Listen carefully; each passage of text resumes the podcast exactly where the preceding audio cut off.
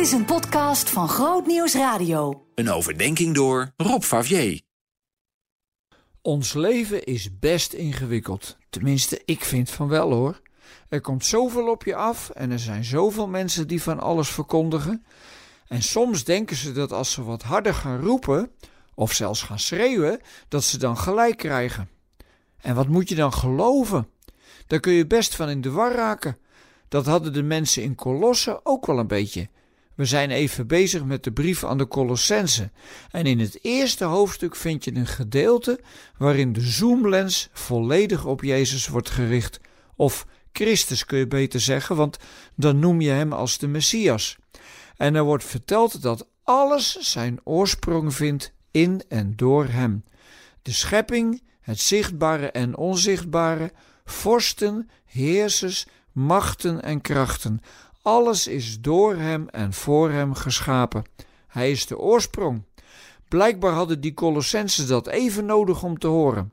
Want als het leven zo ingewikkeld is en er zijn zoveel prikkels die op je worden afgeschoten, dan moet er duidelijkheid geschapen worden, vindt Paulus.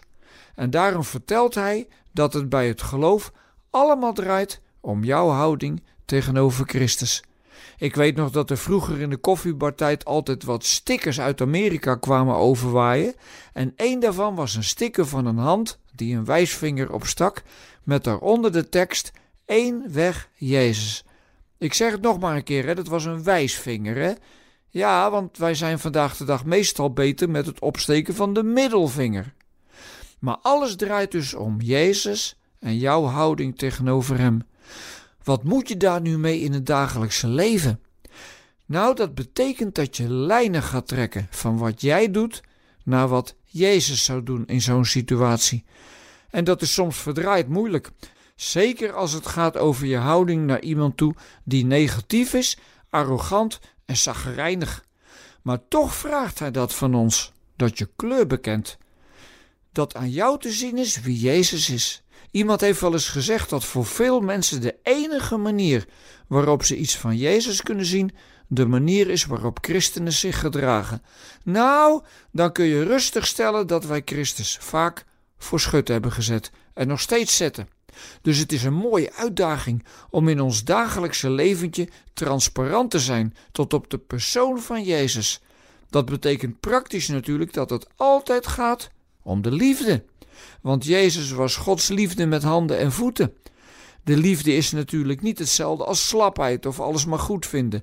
Nee, het is de kracht die mensen in staat kan stellen het leven aan te kunnen en het ook voor anderen mogelijk te maken. Dus, schrijft Paulus, daar moet je niet omheen draaien. Niet allemaal omweggetjes of compromissen, maar voluit Jezus centraal stellen in je leven. En het geweldige is dat die liefde van God in elke tijd weer iets te zeggen heeft, want die is eeuwig. God weet niet van ophouden.